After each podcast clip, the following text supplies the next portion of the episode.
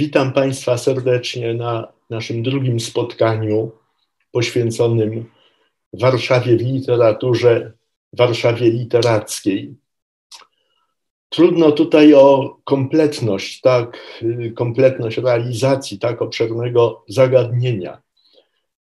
Chcę przede wszystkim pokazać różne sposoby literackiego zaistnienia miasta Chcę pokazać miejsca, z którymi pisarze byli związani, miejsca, o których pisali, które pojawiały się w ich dziełach, pokazać miasto jako bohatera literackiego, miasto, które by było inspiracją do tworzenia, ale także miasto, w którym toczy się życie literackie, bo literatura przecież ma swoje zaplecze materialne to są kluby, to są kawiarnie, to są teatry, y, to są instytucje y, literackie, wydawnictwa, biblioteki, redakcje czasopism. Wszystko to wchodzi w, do kręgu jakby, czy wszystko to wchodzi w ten obszar naszego zainteresowania poświęconego Warszawie literackiej. Przypomnę, że nasze ostatnie spotkanie, pierwsze spotkanie poświęcone Warszawie literackiej, e, skończyliśmy na powstaniu listopadowym i przepięknym wierszu Juliusza Słowackiego pod tytułem Sowiński w okopach woli. Skończyliśmy na słowackim zatem i od słowackiego zaczniemy dzisiaj. Juliusz Słowacki był poetą mocno z Warszawą związany. Urodził się wprawdzie w Krzemieńcu, większość swoich lat dziecięcych i młodych spędził w Wilnie, ale już w roku 1829 jako młody prawnik przyjechał do Warszawy, gdzie podjął pracę, a właściwie bezpłatną aplikację w Komisji Rządowej Przychodu i Skarbów, czyli w takim ówczesnym Ministerstwie Sprawiedliwości. Instytucja ta mieściła się tam, gdzie dzisiejszy ratusz warszawski. Dlatego, proszę Państwa, jest logiczne, że pomnik Juliusza Słowackiego, ten zaprojektowany przez Edwarda Wittiga dla Lwowa jeszcze przed wojną, zmodyfikowany, trochę adaptowany do dzisiejszych y, potrzeb i ustawiony w tym miejscu w roku 2001. Więc, że pomnik Juliusza Słowackiego stoi właśnie na placu bankowym. On się tam pojawił nie tylko dlatego, że było puste miejsce po Dzierżyńskim, ale dlatego, że za plecami poety jest jego pierwsze miejsce pracy. Komisja Rządowa Przychodów i Skarbów. Miejsce, którego nie cierpiał i wcale się nie dziwię, bo można tolerować nudną pracę, jeśli się za nią dostaje godziwe wynagrodzenie. Natomiast jego aplikacja miała charakter bezpłatny. Proszę Państwa, 29 listopada wybuchło, 1830 roku wybuchło powstanie i Słowacki przebywał wtedy w Warszawie. Z anonimowego, bezpłatnego urzędnika stał się bardem rewolucyjnej Warszawy. Napisał kilka wierszy, takich jak hymn zaczynający się od słów Boga, Rodzico, Dziewico, usłysz nas, Matko Boża, takich jak Kulik, jak Oda do Wolności, jak pieśń Legionu Litewskiego. Wszystkie te wiersze doskonale oddawały atmosferę entuzjazmu, szczęścia, radości, jaka przenikała warszawskie mury i warszawską społeczność. Ale w lutym 1831 roku, kiedy armia marszałka Dybicza podeszła pod Warszawę i wydało, wydawało się, że powstanie za chwilę upadnie, Słowacki, będąc poddanym cara rosyjskiego, w pośpiechu opuścił miasto, po prostu uciekł. Zatrzymał się w Dreźnie, tam dowiedział się, że Rosjan do Warszawy nie wpuszczono, że bitwa w Olszynce Grochowskiej okazała się skuteczną obroną y, Polaków, ale już Słowacki do Warszawy nie wrócił. Otrzymawszy misję dyplomatyczną, pojechał dalej do Londynu i Paryża i w Paryżu zastał go już właśnie upadek Warszawy. I proszę Państwa, po krótkim dość pobycie we Francji, nie chcę, żeby to się zmieniało w wykład o słowackim, wyjechał do Szwajcarii i mieszkając w Genewie napisał wielki dramat pod tytułem Kordian. Kordian to jest dramat o dojrzewaniu młodzieńca, który ma być reprezentantem tego pokolenia, jakie walczyło w powstaniu listopadowym. Pierwszy akt jest poświęcony jego doświadczeniom, młodzieńczym doświadczeniom miłosnym. Drugi akt to wędrówka, kiedy Kordian pojawia się w różnych miejscach Europy i zapoznaje się z cywilizacją, z kulturą europejską. Nas natomiast interesuje najbardziej akt trzeci, ponieważ akcie trzecim znajdujemy się w Warszawie. Rok 1829, spisek koronacyjny. Na obrazku pokazuje stronę tytułową pierwszego wydania Kordiana z roku 1834. Proszę zwrócić uwagę, że na stronie tytułowej nie ma nazwiska autora. Kordian wydany był anonimowo. Akcja trzeciego aktu rozpoczyna się na placu przed Zamkiem Królewskim w Warszawie, czyli na placu zamkowym. Czytam tekst słowackiego. Okna dokolnych domów przystrojone kobiercami, pełne widzów. Wielkie rusztowanie czerwonym suknem nakryte zalega większą część placu, na nim siedzą rzędami przystrojone kobiety. Najbliżej widza kolumna Zygmunta, na, pod, na podstawie lud zasiadł. Ludzie różnego stanu stoją dokoła i patrząc na zamek rozmawiają. Tej rozmowy już nie będę czytał. W każdym razie widzimy tutaj atmosferę, jaka panuje na uroczystościach koronacyjnych Mikołaja I, który koronował się wtedy na króla Królestwa Polskiego. Plac Zamkowy, widok z początków XX wieku. Nie znalazłem już slajdu XIX-wiecznego, ale ten widok niewiele się zmieniał. Widzimy tutaj y, za kolumną Zygmunta wylot krakowskiego y, przedmieścia. I proszę Państwa, kolejna scena, w kolejnej scenie Słowacki przenosi nas do y, kościoła katedralnego, do katedry świętego Jana, gdzie przedstawia scenę koronacji prymas Królestwa Polskiego, którym był też poeta, wtedy Jan Paweł Worownicz, wkłada koronę na skronie carskie. Car, kładąc rękę na księdze konstytucji, wypowiada jedno słowo: przysięgam.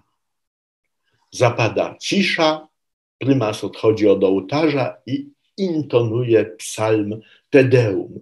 W rzeczywistości koronacja miała miejsce w Zamku Królewskim, ale Słowackiemu potrzebne było tutaj to wnętrze katedry, pokazuję je teraz, ponieważ dodawało to takie właśnie sakralne, uroczysta, uroczysta taka sakralna przestrzeń dodawała patosu całej tej scenie i ukazywała kontrast między przysięgą carską a praktyką polityczną i praktyką rządów polegającą na łamaniu konstytucji, na ignorowaniu jej zapisów.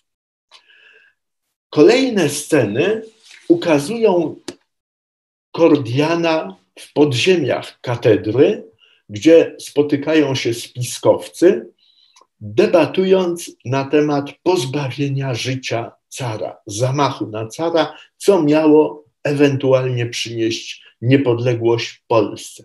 W głosowaniu koncepcja zabójstwa przegrywa i wtedy Kordian demaskuje się i mówi, że jako podchorąży pełni wartę przy sypialni carskiej w Zamku Królewskim i on sam zamorduje cara.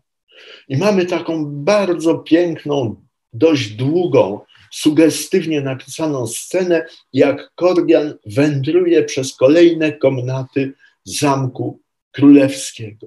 pojawia się najpierw w sali koncertowej, później przechodzi do sali tronowej i wreszcie staje przed sypialnią cesarza.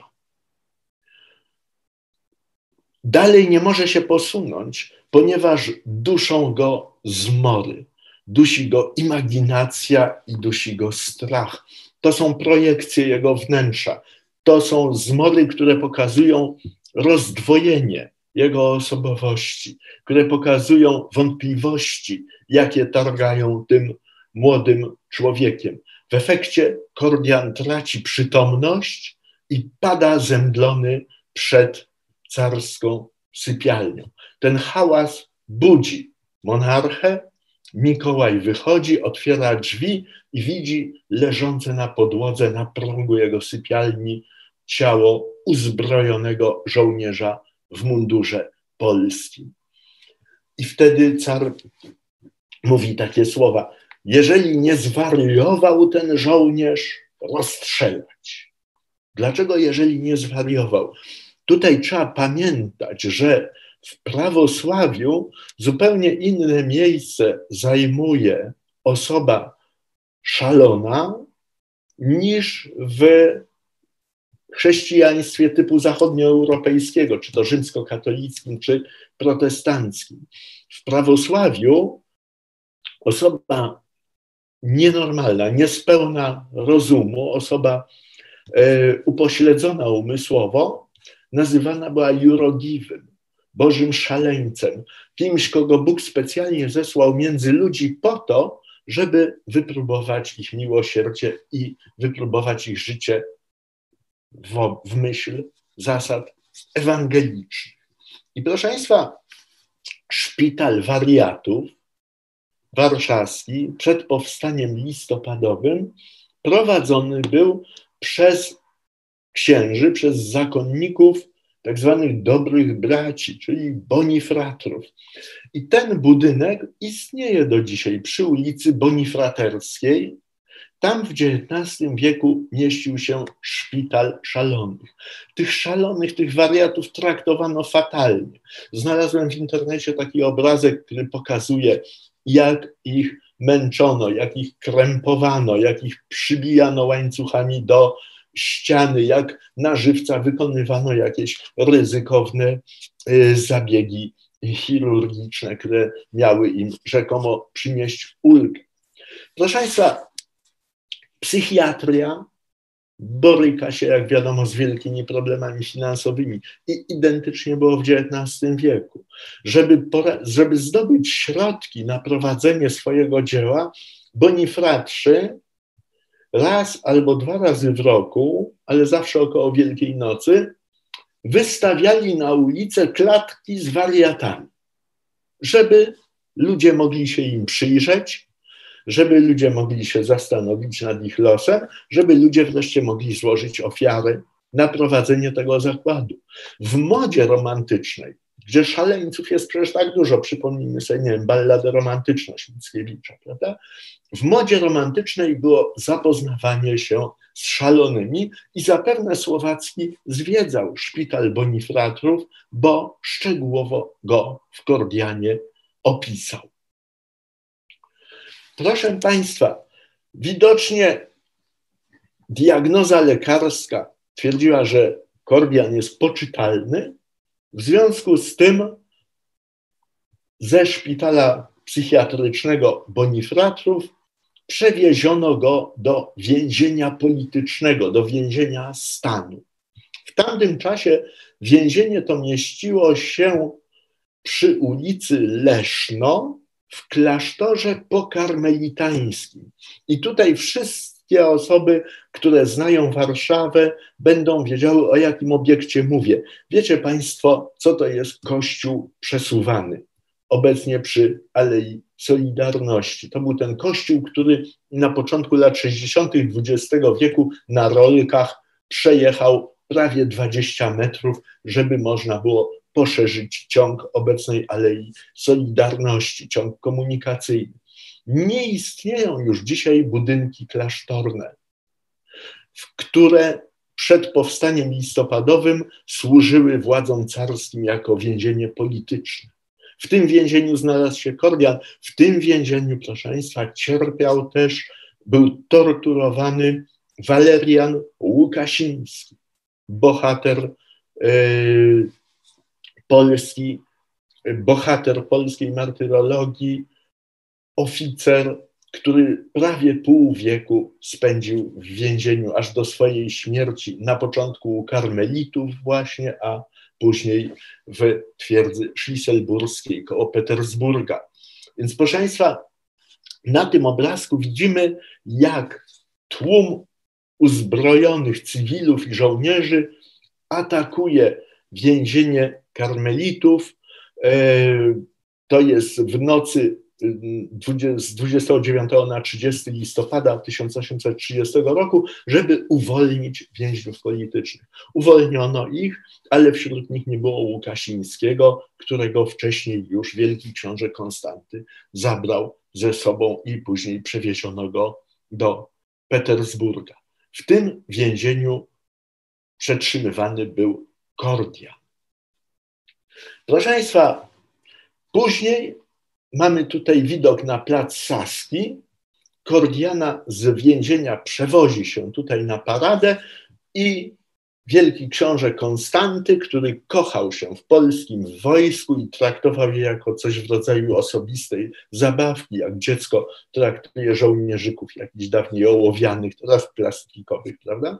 Więc wielki książę Konstanty na tym placu organizował parady wojskowe i na tym placu popisywał się sprawnością wojskową Polaków.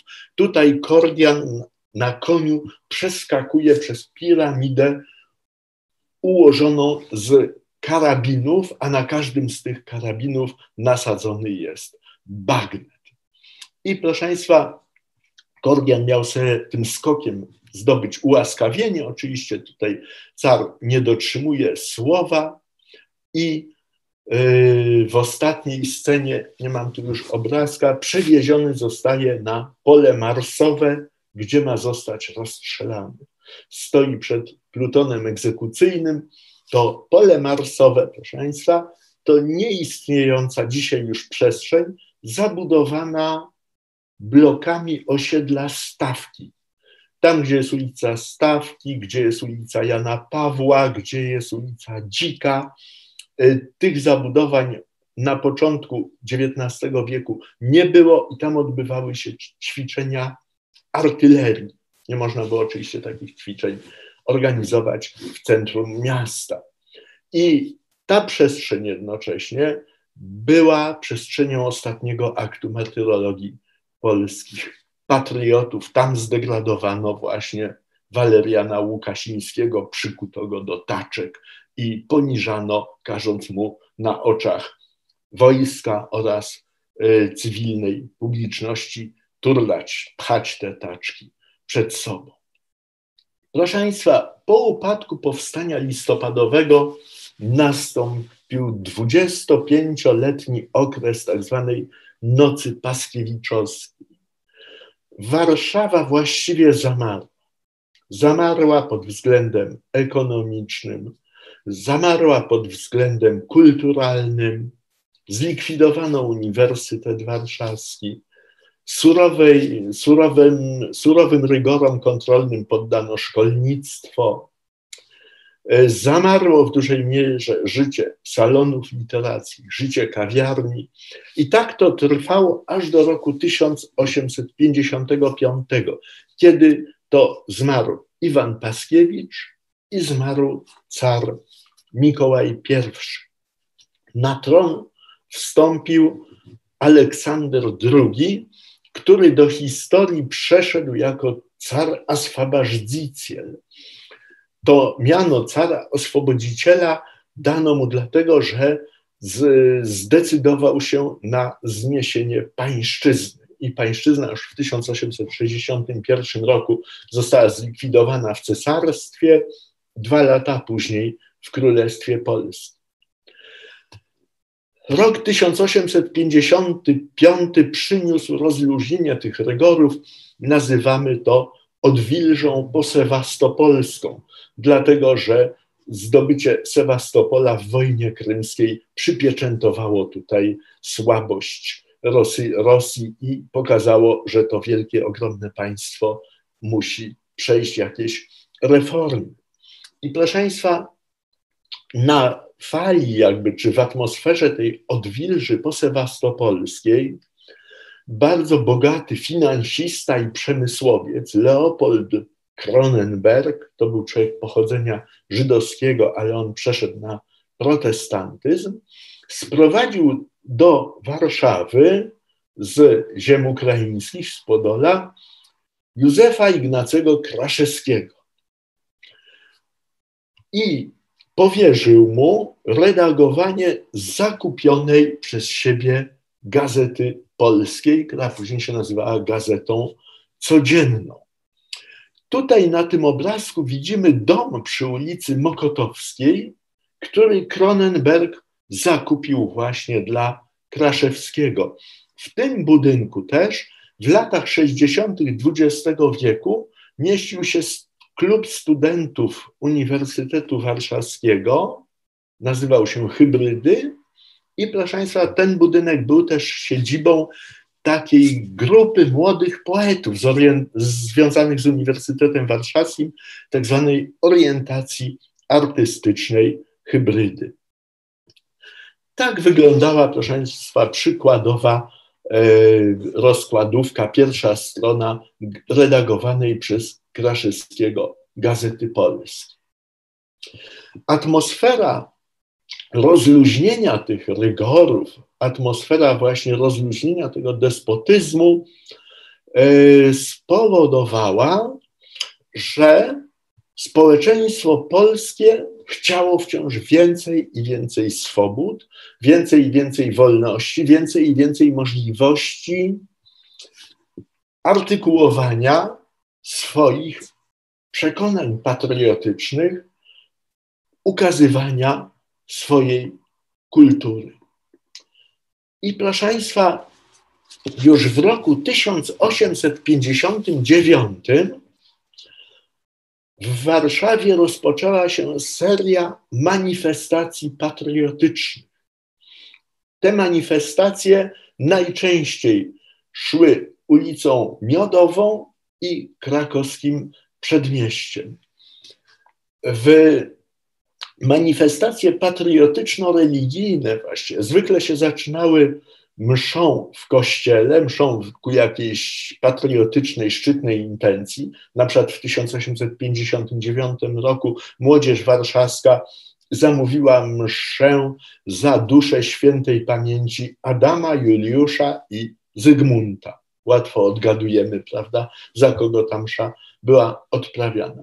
I później po mszy zwartym takim szykiem wychodził pochód z krzyżem niesionym na czele, jakimiś sztandarami, a pieśnią tych manifestacji była pieśń Boże coś Polskę, czyli pieśń napisana przez Alojzego Felińskiego pierwotnie jako hymn Królestwa Polskiego, sławiący cara Aleksandra I.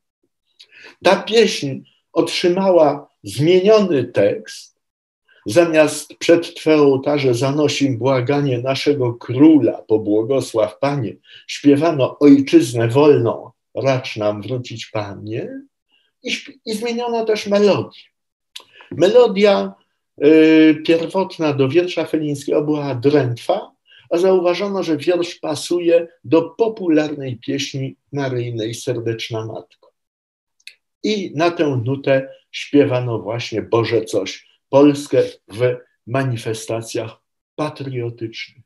Podczas jednej z takich manifestacji padła salwa carskiego wojska, pozbawiając życia pięciu manifestantów idących w pierwszym szeregu.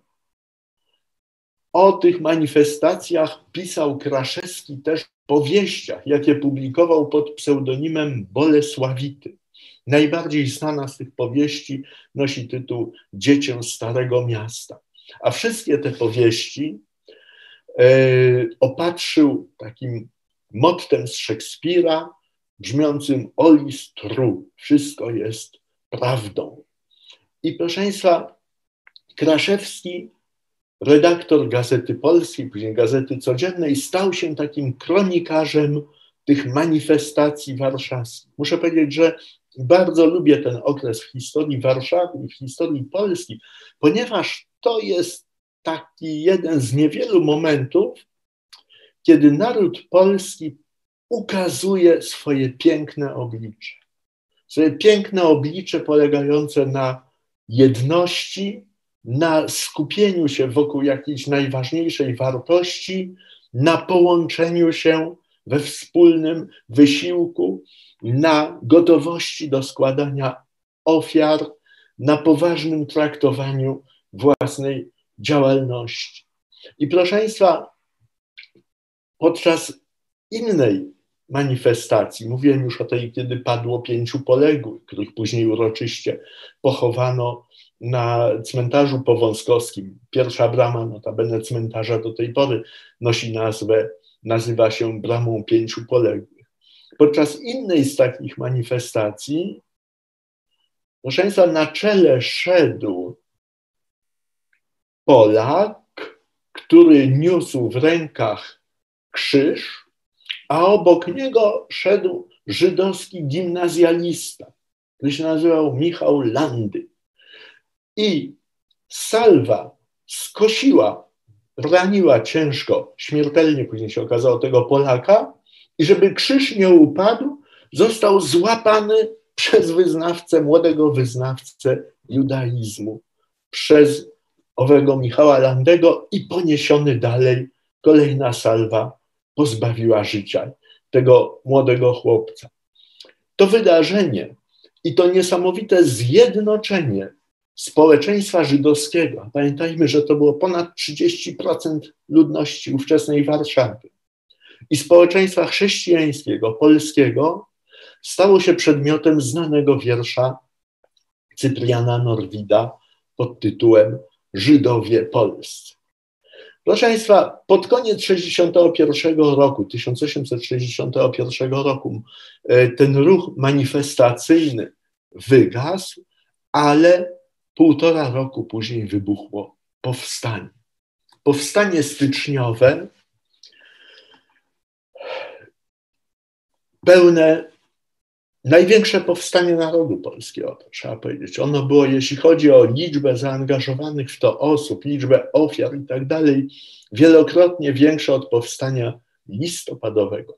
Było skazane od początku na klęskę, było właśnie takim desperackim okrzykiem narodu, który chciał wykrzyczeć Europie to, że nie wynarodowił się, że nie zniknął i że pragnie swojej wolności. I proszę Państwa, 19 września 1863 roku u zbiegu ulic Nowy Świat i Świętokrzyskiej pomiędzy budynkiem Pałacu Staszica, widocznym tutaj z lewej strony, i Pałacu Zamojskich, widocznym z prawej strony, tam jest takie wąskie gardło owej ulicy, w ulicznym jakby zamieszaniu dokonano zamachu na wojskowego gubernatora Królestwa Polskiego Fiodora Berga, generała, który był odpowiedzialny za działania wojskowe skierowane przeciwko powstańcom styczniowym.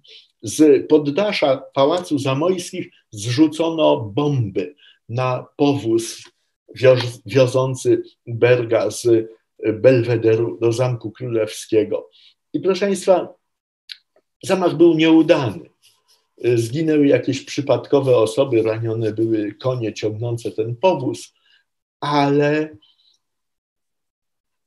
Rosjanie zastosowali tutaj odpowiedzialność zbiorową. Wypędzili z Pałacu Zamojskich, który faktycznie był taką kamienicą, luksusową kamienicą czynszową, wypędzili wszystkich mieszkańców, a następnie mieszkania ogołocili z mebli, które zrzucili na wielki stos obok pomnika Kopernika i podpalili. I proszę Państwa, wśród tych mebli, mówiłem o tym przy innej okazji, wśród tych mebli był fortepian, na którym w młodości grał Fryderyk Chopin, a który był wtedy własnością siostry kompozytora. O tych wydarzeniach donosiła prasa w całej Europie i na całym świecie. O tych wydarzeniach przeczytał Cyprian Norwid w Paryżu i napisał ten swój chyba najsławniejszy wiersz fortepian Chopina, w którym ukazał, jak wysokie wartości, w tym wypadku jakby identyfikowane z tym instrumentem, jak te najwyższe wartości polskie i chrześcijańskie i klasyczne, jak to piękno zostaje zdeptane brutalnością działań żołdackich. Sprzęt podobny do trumny wydźwigają runą, runą twój fortepian. Ten, co Polskę głosił od zenitu wszechdoskonałości dziejów, wziętą hymnem zachwytu, Polskę przemienionych kołodziejów, ten sam runął na bruki z granitu. Proszę Państwa, dzieje Polski to przecież nie tylko martyrologia. Dzieje Polski to normalne, zabiegane życie zwyczajnych ludzi, którzy najczęściej z trudem wiązali koniec z końcem i którzy chętnie byli konsumentami kultury nie tej najwyższej, nie tego, co pisał Słowacki czy Norwid, tylko konsumentami takiej muzy lżejszej, łatwiejszej, bardziej przyswajalnej. Tutaj pokazuję Państwu obraz Józefa Zimlera, takiego klasycystycznego malarza, na którym w towarzystwie dwóch geniuszy ukazana jest młoda kobieta.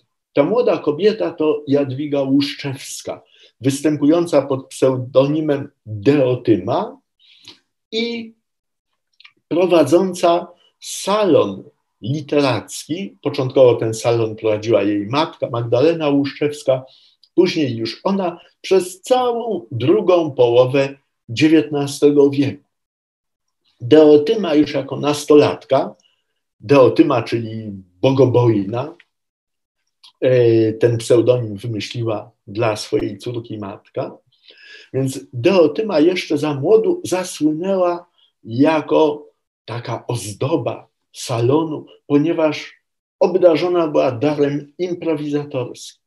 Myślę, że jak słuchało się jej improwizacji w czasie tym paskiewiczowskim, w czasie tej nocy paskiewiczowskiej, o której wspominałem, to mogło robić naprawdę bardzo duże wrażenie. Natomiast kiedy się czyta te zapisane improwizacje, które publikowane były w ówczesnych gazetach, no to krótko mówiąc, ręce opadają. To jest straszna grafomania, ale w tamtym czasie osobom, które słyszały, które pod, poddawały się nastrojowi panującemu w tym salonie, gdzie przychodziło 200-300 osób nawet do ciasnego, dość trzypokojowego mieszkania, gdzie, jak wspominają uczestnicy tych spotkań, nie tylko, że nie było gdzie usiąść, ale nie było gdzie stanąć. Więc jak udzielała się ta atmosfera właśnie salonowa, to myślę, że improwizacje deotymy mogły brzmieć zupełnie dobrze. Salon Magdaleny Łuszczewskiej mieścił się w skrzydle nieistniejącego pałacu saskiego, natomiast później ona sama przeprowadziła się do także nieistniejącej kamienicy, która stała róg ulicy Marszałkowskiej i Królewskiej i tam przyjmowała na swoich czwartkach literackich. Mówię Państwu o Deotymie dlatego także, żeby pokazać, że obok romantyzmu istniał inny nurt kulturowy, taki bardziej, bym powiedział, mniej skomplikowany, do, dopasowany do życia spokojnych ludzi, którzy przede wszystkim chcieli egzystować i mieć kulturę jako pewną ozdobę przyjętych wartości. Ten nurt kulturowy zrodzony w Niemczech otrzymał tam nazwę Biedermeier. I polski Biedermeier, chociaż nie był tak silny i nie, nie miał tylu przedstawicieli jak niemiecki, prawda? Wydaje mi się, że pokazał właśnie y, swoje możliwości w działalności artystycznej Deotyny.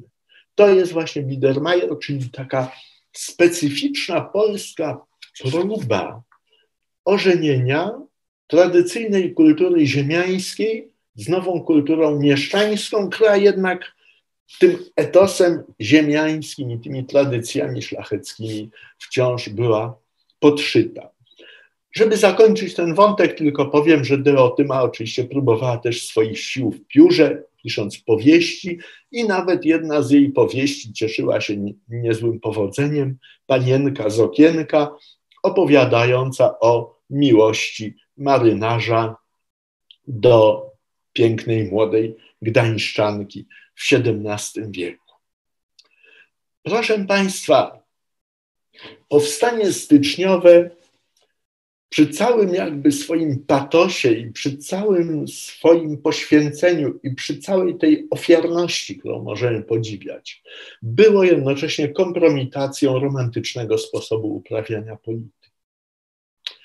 To rozumiał taki kontrowersyjny przywódca Polski, wówczas współpracujący z caratem margrabia Aleksander Wielopolski. Z inicjatywy Wielopolskiego, bo Wielopolski przekonywał Aleksandra II, że jeżeli Polakom da się trochę swobód, to oni nie pójdą w kierunku insurekcyjnym, więc z inicjatywy Wielopolskiego na placu zajmowanym przed powstaniem listopadowym przez Uniwersytet Warszawski przy krakowskim przedmieściu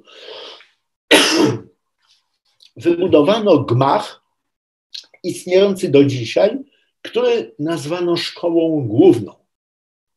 Na nazwę uniwersytetu car nie wyraził zgody, ale w latach 1862-69 w tym budynku, który pokazuję Państwu na obrazku, mieściła się szkoła główna.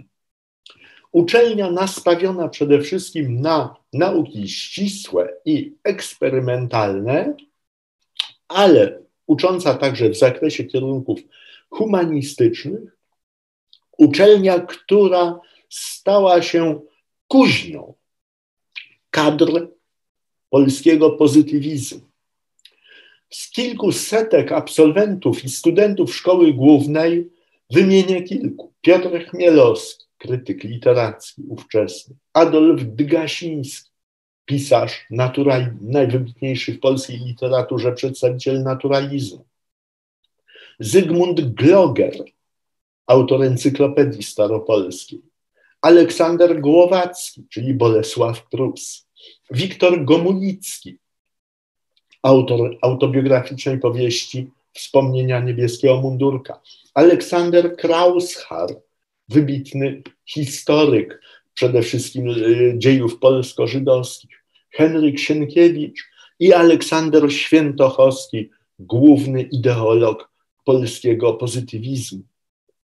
Proszę Państwa, za moich młodych lat w szkole głównej w tym budynku mieścił się Wydział Biologii, Uniwersytetu Warszawskiego, a od kilkunastu lat, kiedy biologia otrzymała y, lepsze, lepsze, lepsze lokum, y, obszerniejsze, do budynku szkoły głównej przeniósł się Instytut Archeologii Uniwersytetu Warszawskiego i w tej chwili tam w szkole, dawnej szkole głównej uczą się przyszli archeologowie. Proszę Państwa, Literacka Warszawa nie może się obejść bez bibliotek. I chciałem tutaj powiedzieć o dwóch dużych bibliotekach, które też łączyć należy z epoką pozytywizmu. Pierwsza z nich to Biblioteka Ordynacji Krasińskich. Mieści się przy ulicy Okulnik i ten budynek z charakterystycznymi kolumnami i takim napisem, proszę zobaczyć tutaj na tej belce nadwejściowej, na tym chyba to się nazywa architra, Amor patrie nostra lex, czyli miłość ojczyzny naszym prawem, dewiza rodowa Krasińskich. Biblioteka Ordynacji Krasińskich gromadziła Napoleonika polskie, dokumenty związane z epoką napoleońską, oraz wszystkie rękopisy i teksty związane z twórczością najsławniejszego przedstawiciela rodu, czyli Zygmunta Krasińskiego. I proszę Państwa, y, od lat 80. XIX wieku Biblioteka Ordynacji Krasińskich była biblioteką publiczną, udostępnianą y, ludziom uczonym z miasta. Natomiast w okresie okupacji hitlerowskiej do tej biblioteki zwieziono zbiory specjalne, czyli właśnie rękopisy, y, cymelia, jakieś naj, najważniejsze książki, najcenniejsze książki z Biblioteki Narodowej i Biblioteki Uniwersyteckiej.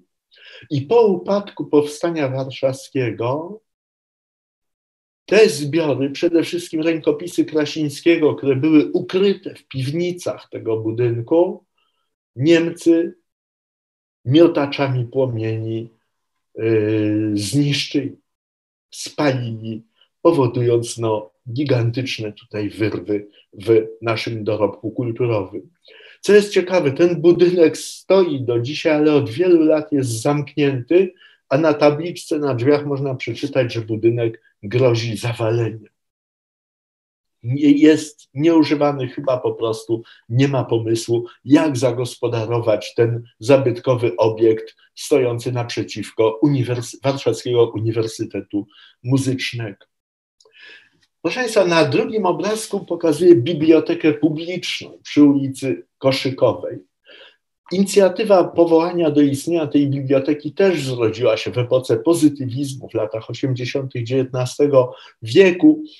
E, długo trwały przygotowania. Na początku XX wieku z dotacji Eugenii Kierbedziowej wybudowano ten gmach i umieszczono tutaj bibliotekę.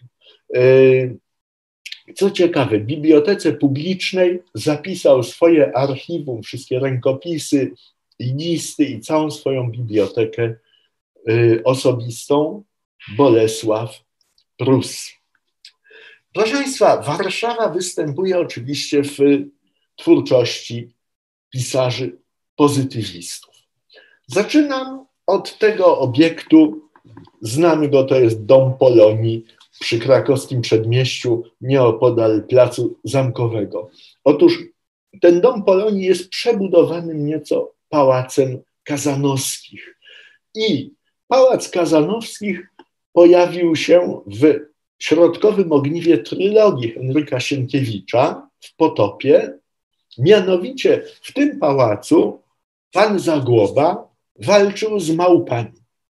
I proszę Państwa, upamiętnia to tablica, która przypomina, że to właśnie w tym obiekcie wyobraźnia Sienkiewicza umieściła pana Zagłobę walczącego z małpami. Oczywiście Warszawa w wielu jeszcze tekstach Sienkiewicza występuje, ale najważniejszym jej kronikarzem, dosłownie kronikarzem i najważniejszym pisarzem, który Warszawę uwiecznił, był Bolesław Prus. Widzimy tutaj pomnik Bolesława Prusa stojący róg ulicy Karowej i krakowskiego przedmieścia. Pamiętam, jak odsłaniano go w latach 70., poddany był surowej krytyce, że nie jest uroczysty, że pisarz nie stoi na cokole, a mi się ten pomnik obrazu podobał i lubię go, dlatego że Prus jest takim zgarbionym lekko, z przechyloną w zamyśleniu głową przechodniem.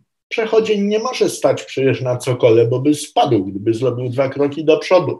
A tutaj Prus jest takim jednym z nas, przechodniów, który obserwuje to miasto, obserwuje ludzkie charaktery, obserwuje dynamikę dziania się tego, co jest e, w Warszawie. Prus przez całe życie pisał kroniki tygodniowe poświęcone Warszawie, ale najbardziej oczywiście znany z tego, że poświęcił Warszawie swoją największą powieść, czyli lalkę. Tutaj widzimy krakowskie przedmieście naprzeciwko uniwersytetu, gmach w którym dzisiaj mieści się księgarnia akademicka imienia Bolesława Prusa, natomiast w wyobraźni Prusa w tym gmachu mieścił się nowy sklep Stanisława Wokulskiego, ten, który on wyremontował i powiększył e, po swoim powrocie, e, kiedy z majątkiem, którego się dorobił na e, wojnie rosyjsko-tureckiej, tej wojnie o wyzwolenie Bułgarii, który, który to sklep Wokulski miał kapitały, żeby luksusowo urządzić. Obok jest brama, którą się szło do mieszkanka starego subiekta, czyli Ignacego Rzeckiego. Po drugiej stronie krakowskiego przedmieścia, tam gdzie w tej chwili jest hotel Harenda, wmurowano jeszcze przed wojną tablicę, że w tym miejscu stał dom, w którym mieszkał Stanisław Wokulski, postać powołana do życia przez Bolesława Prusa w powieści Lalka. Proszę Państwa, nie tylko krakowskie przedmieście występuje w lalce. No tutaj jeszcze jesteśmy na krakowskim przedmieściu, to jest kościół oczywiście pokarmelicki, dzisiejszy kościół seminaryjny przy, przylegający do Pałacu Prezydenckiego. W tym kościele, proszę Państwa, odbywała się kwesta, gdzie panna Izabela Łęcka kwestowała razem ze swoją ciotką, a Wokulski przyszedł z rulonem złotych półimperiałów, żeby rzucić je właśnie przy stoliku kwestującej, udającej filantropkę panny Izabeli. Proszę Państwa, hotel europejski, powstały w połowie XIX wieku, występuje w lalce, to w hotelu europejskim odbywa się uroczystość inaugurująca nowy sklep Wokulskiego. Proszę Państwa, ulica Oboźno. To jest piękny fragment, bo tutaj mamy litografię XIX-wieczną, ale chodzę często tą trasą po prostu pomiędzy, no może w tej chwili, w czasie pandemii nie bardzo, ale wcześniej bardzo często chodziłem, bo to jest między Wydziałem Polonistyki a Buwem biblioteką uniwersytecką zlokalizowaną na Powiślu. Te schodki istnieją do dzisiaj i proszę Państwa, w tej ścianie, zobaczcie, za plecami owych dwóch pań, które są na pierwszym planie, widzimy takie źródło, taki zdrój, z którego czerpała wodę uboga ludność Powiśla, bo Warszawa ukazana w lalce to jest Warszawa kontrastów. Występują tam oczywiście arystokraci mieszkający w swoich pałacach albo w swoich kamienicach, występują tam kupcy, występują tam Żydzi, bogaci, ubodzy, ale pokazana jest też biedota, pokazana jest też nędza. Z jedna z bohaterek lalki, jedna z postaci kobiecych tam na przykład zajmuje się prostytucją. Lalka jest takim naprawdę obszernym, panoramicznym malowidłem ukazującym Warszawę. I właśnie ulicą Oboźną można było zejść i zobaczyć to niesamowicie ubogie, błotniste, malaryczne, niezdrowe powiśle. Proszę Państwa, to jest już fotografia z początków XX wieku.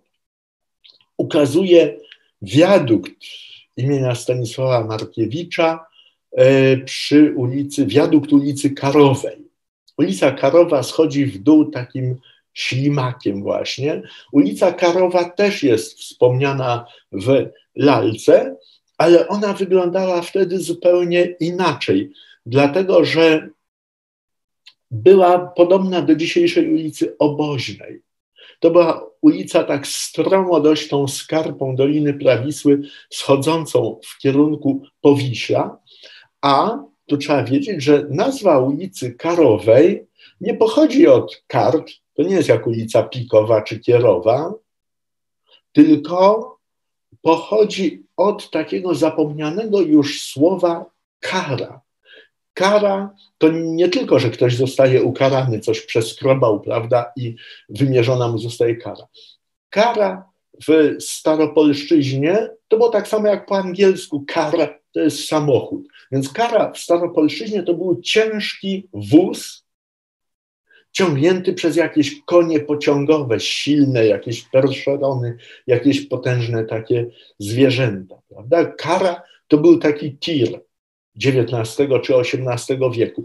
I właśnie na ulicy, na dole ulicy Karowej były stajnie i place, gdzie stały te kary. Tam dowożono towary z zewnątrz i tam przeładowywano je na kary i wieziono pod górę do miasta, żeby zaopatrzyć miasto. I proszę Państwa, zobaczcie, na początku XX wieku te konie potwornie się męczyły, ciągnąc pod górę ciężkie towary. I na początku XX wieku, żeby ulżyć tym koniom i żeby jakby spłaszczyć stromiznę tej skarpy, zbudowano wiadukt. Chodziło o wypłaszczenie tej skarpy. Tak samo wiadukt mostu poniatowskiego. To wszystko zbudowano na początku XX wieku z chyłku carskiego panowania w Warszawie po to, żeby usprawnić transport konny. A nikt nie przewidywał, że za paręnaście lat to już będzie nieaktualne zadanie, bo transport konny wyparty zostanie samochodowy. Proszę Państwa, chciałem powiedzieć, że istnieją dwie ważne książki ukazujące Warszawę w lalce Prusa. Jedną z, nią, z nich napisał Ludwik Bogdan Grzeniewski, Warszawa w lalce Prusa, a drugą warszawski polonista, bardzo zasłużony nauczyciel Paweł Waszak. Ta druga, bardziej ją lubię, nosi tytuł Między Kopernikiem a Zygmuntem. Mówi o tle warszawskim w lalce Prusa, bogato ilustrowana. Bardzo tutaj Państwa uwadze te obie książki polecam. Tutaj, proszę Państwa, widzimy pomnik Marii Konopnickiej. Ona się urodziła w Suwałkach, ale związana była z Warszawą. W Warszawie chodziła do pensji sióstr sakramentek na e, Nowym Mieście gdzie była w jednej klasie z Elizą Orzeszkową, tylko że każda z nich się inaczej wtedy nazywała i one nawet długie lata nie wiedziały, znając się już jako pisarki, znając swoje dzieła, nie wiedziały, że są koleżankami z jednej szkoły. I Maria Konopnicka, notabene inspirowana przez Orzeszkową, napisała taką nowelę pod tytułem Mendel Gdański. W tej noweli ukazała Stare Miasto, gdzie mieszka właśnie stary Żyd, introligator Mendel Gdański. Nazywa się Mendel, ponieważ urodził się jako piętnaste dziecko w ubogiej żydowskiej rodzinie. I Mendel Gdański w tym mieszkanku biednym mieszka razem ze swoim wnuczkiem i staje się ofiarą antysemickiego pogromu. Proszę Państwa, Eliza Orzeszkowa, Tutaj jej popiersie umieszczone w parku przy ulicy Książęcej także była pisarką, która nie stroniła od tematu warszawskiego. I mm, powieścią, gdzie podobnie jak w lalce występują różne miejsca Warszawy, jest Marta. To wczesna powieść Orzeszkowej, powieść tendencyjna, powieść, która poświęcona jest takiemu programowi edukacji kobiet, które nie mogą być tylko zdane na mężczyzn, które muszą być wyedukowane, żeby móc rozpocząć samodzielne życie. I właśnie w marcie, proszę Państwa, powieści, która kończy się samobójczą, czy chyba samobójczą śmiercią tytułowej bohaterki, która owdowiała i nie potrafiła sobie później ze swoją córeczką poradzić w życiu, więc w tej powieści ukazane są też różne miejsca ówczesnej Warszawy. Proszę Państwa, w spotkaniu z literacką Warszawą nie może zabraknąć dużego, takiego nieistniejącego dziś budynku dworca kolei warszawsko-wiedeńskiej, czyli dawnego warszawskiego dworca głównego. Ten dworzec stał w ciągu Alei Jerozolimskich Jego architektura, zobaczcie Państwo, że tutaj po prawej stronie, jakby bliżej widza, jest taki budynek z wieżyczką, ale w dalekiej perspektywie widać symetryczny drugi budynek z wieżyczką. I architektura tego dworca miała przypominać dwa parowozy, które są złączone ze sobą tyłem. Jakby tył jednego parowozu dotyka do tyłu drugiego parowozu. I to był główny dworzec kolei żelaznej. To było warszawskie okno na świat. Obiekt ten istniał tam, gdzie dzisiaj jest dworzec, który się nazywa Warszawa Śródmieście. Między ta bliższa wieża to jest róg Alei Jerozolimskich i Marszałkowskiej. Ta dalsza jest jakieś 200, może 250 metrów y, dalej. I proszę Państwa, y, z tego dworca wyruszał do Paryża, a później y, w nieszczęsną swoją ekskursję przerwaną w Skierniewicach Stanisław Wokulski. Ten dworzec występuje w wielu warszawskich nowelach czy powieściach. Pojawia się też w dziejach grzechu Stefana Żeromskiego. Kolejne miejsce, którym chciałem Państwa zainteresować, jest Dolinka Szwajcarska. Blisko Alei Ujazdowskich i Alei Róż. Dzisiaj miejsce zupełnie niezagospodarowane. Taki, taki trawnik po prostu, gdzie okoliczni mieszkańcy wyprowadzają swoje pieski. Natomiast w ostatniej ćwierci XIX i na początku XX wieku to miejsce tętniło życiem. Wylewano tam lodowisko, zimą i Warszawa, warszawiacy jeździli na, łyż, na łyżwach na ślizgawce w Dolinie Szwajcarskiej. Natomiast w miesiącach wiosennych, letnich, w cieplejszych miesiącach tam rozkładały się teatrzyki ogródkowe. I Dolina Szwajcarska upamiętniona została w takiej powieści Władysława Stanisława Reymonta, autora Chłopów, w powieści pod tytułem Komediantka. Tytułowa bohaterka y, występuje tam właśnie w takim teatrzyku rewiowym. Proszę Państwa, życie literackie to także redakcje czasopism. Tutaj pokazuję Państwu budynek, tak jak on wygląda obecnie, Róg Nowego Światu i Alei Jerozolimskich naprzeciwko Empiku, po drugiej stronie Nowego Światu niż Empik. I w tym budynku przez jakiś czas mieściła się redakcja najważniejszego i najlepszego czasopisma literackiego epoki Młodej Polski, a mianowicie Chimery. Chimera ukazywała się nieregularnie, okazało się około 30 numerów. W sumie y, naczelnym jej redaktorem był poeta i krytyk literacki, eseista Zenon Przesmycki, posługujący się pseudonimem Miriam. Człowiek, który przeszedł do historii polskiej kultury także jako odkrywca Norwida i jako ktoś, kto w pewnym momencie zarzucił własną twórczość po to, żeby poświęcić się propagowaniu Norwida. Proszę Państwa, Warszawa jest miastem kilkujęzycznym, jeśli chodzi o literaturę. Na tej fotografii pokazuję Państwu Icchoka Lejba Pereca, pisarza żydowskiego, który był no, jakby dla wielu pokoleń później pisarzy żydowskich tworzących w języku idisz największym autorytetem. Twórcą, który potrafił z języka idisz wydobyć jego y, artystyczne walory. Y, może kojarzycie Państwo na pewno ulica Pereca w osiedlu za Żelazną Bramą. Tę ulicę, y, tą nazwę nadano ulicy, która przebiegała w miejscu, gdzie kiedyś stał dom, w którym mieszkał Perec.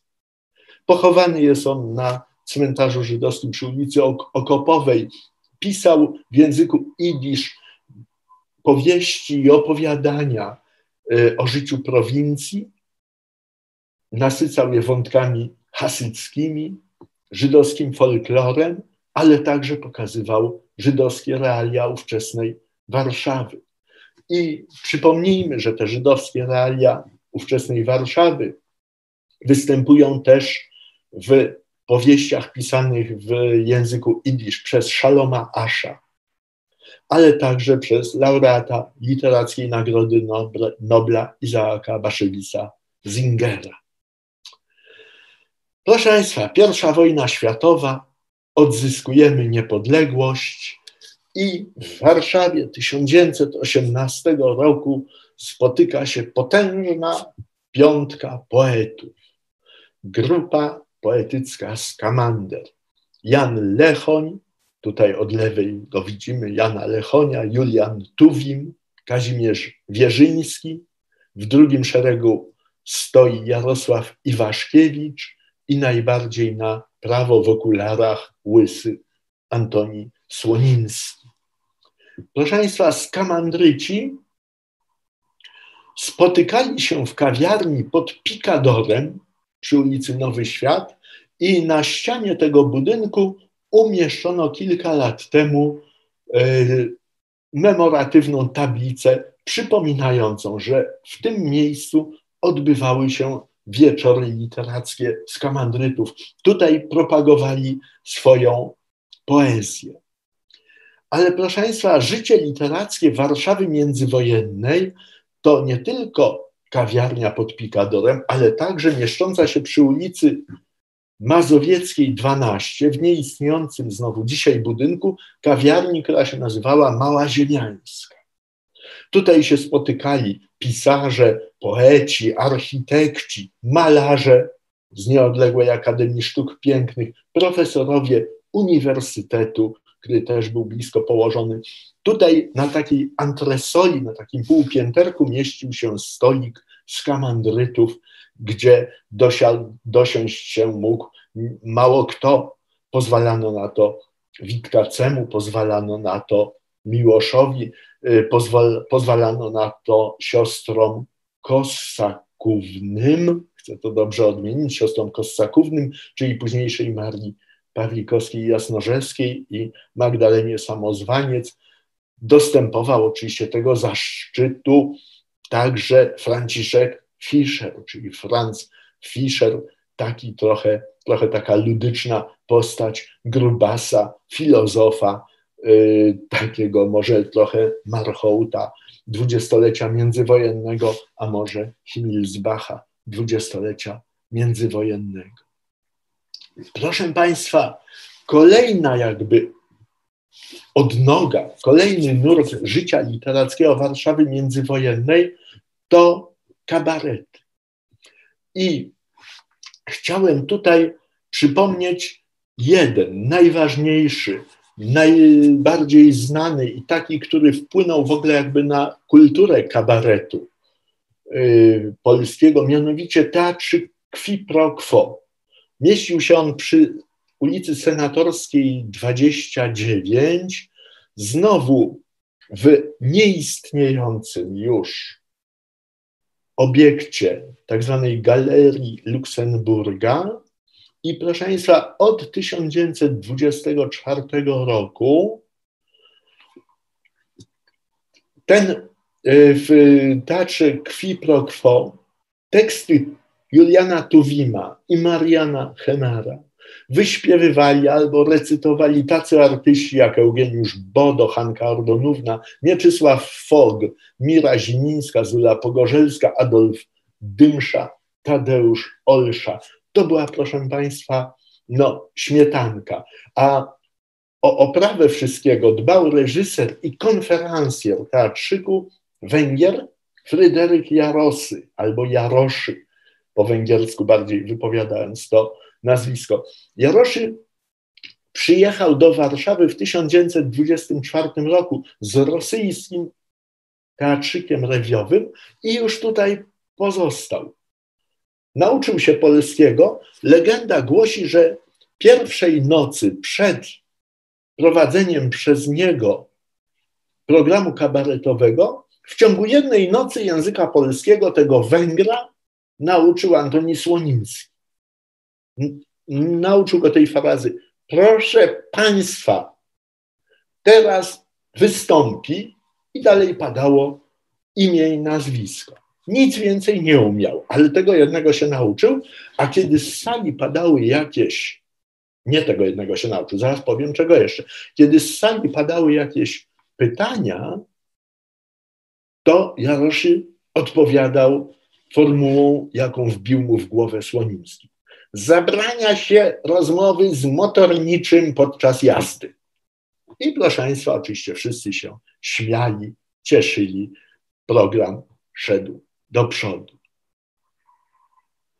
Proszę Państwa, kolejne ważne miejsce warszawskie. Ulica Chorza. Na budynku szkoły podstawowej z lat 60., jednej z wielu tysiąclatek, umieszczona jest ta tablica, na której czytamy, że tu stał dom, w którym urodził się Stanisław Ignacy Witkiewicz, Witkacy. Pisarz związany z Warszawą i z Zakopanem, ale taka oniryczna, niesamowita, jakaś odrealniona Warszawa, jaka się pojawia w jego najważniejszej powieści, w nienasyceniu, nie ma właściwie odpowiednika w polskiej literaturze. I proszę Państwa, ostatni budynek, który dzisiaj Państwu pokażę. Ja przygotowałem w tym wykładzie jeszcze dzieje wojenne i dzieje powojenne, ale widzę, że nie, dam rady już o tym Państwu opowiedzieć. Więc pożegnamy się z Warszawą międzywojenną, budynkiem przy ulicy Kredytowej 1, gdzie mieściło się wydawnictwo Rój. Niebywale zasłużone wydawnictwo, utworzone i prowadzone przez, powiedziałbym, ojca polskiego reportażu, przez Melchiora Wańkowicza. I proszę Państwa, w wydawnictwie Rój ukazywały się w setkach tysięcy nakładu dzieła polskiej i obcej klasyki literackiej. W ten sposób Wańkowicz realizował taką misję, żeby tania groszowa książka trafiła pod strzechy, ale ukazywały się też dzieła awangardowe. W roju ukazała się na przykład Ferdydurkę Witolda Gombrowicza, Sanatorium pod Klepsydlą Brunona Szulca. Było to naprawdę najbardziej zasłużone dla polskiej kultury wydawnictwo z okresu międzywojennego. Kiedy wybuchła wojna, Wańkowicz wyjechał przez Rumunię za granicę i tam już był przez cały okres wojny związany z y, ruchem wojskowym polskim emigracyjnym. Natomiast wydawnictwo zaczęła prowadzić jego żona. Przez kilka trudnych miesięcy okupacyjnych je prowadziła, a później się pojawili Niemcy i to wydawnictwo przejęli. A kiedy żona Wańkowicza zaprotestowała, dlaczego zabierają jej, jej własność, to prowadzący owo przejęcie, ten rabunek właściwie oficer powiedział, pani nam odda wydawnictwo, a my zapomnimy, kto napisał na tropach smętka. I proszę Państwa, w ten sposób Niemcy już od 1930 roku, hitlerowcy, zaczynali nie tylko zawłaszczać, ale niszczyć polską kulturę. Proszę Państwa, Przepraszam, że nie udało mi się zrealizować tego wszystkiego, co przygotowałem. Bardzo dziękuję za uwagę. No i wydawnictwem Rój i wybuchem tragicznej dla ziem polskich, najbardziej tragicznej, tej największej w historii świata, II wojny światowej, kończę dzisiejszy wykład. Bardzo Państwu dziękuję za uwagę.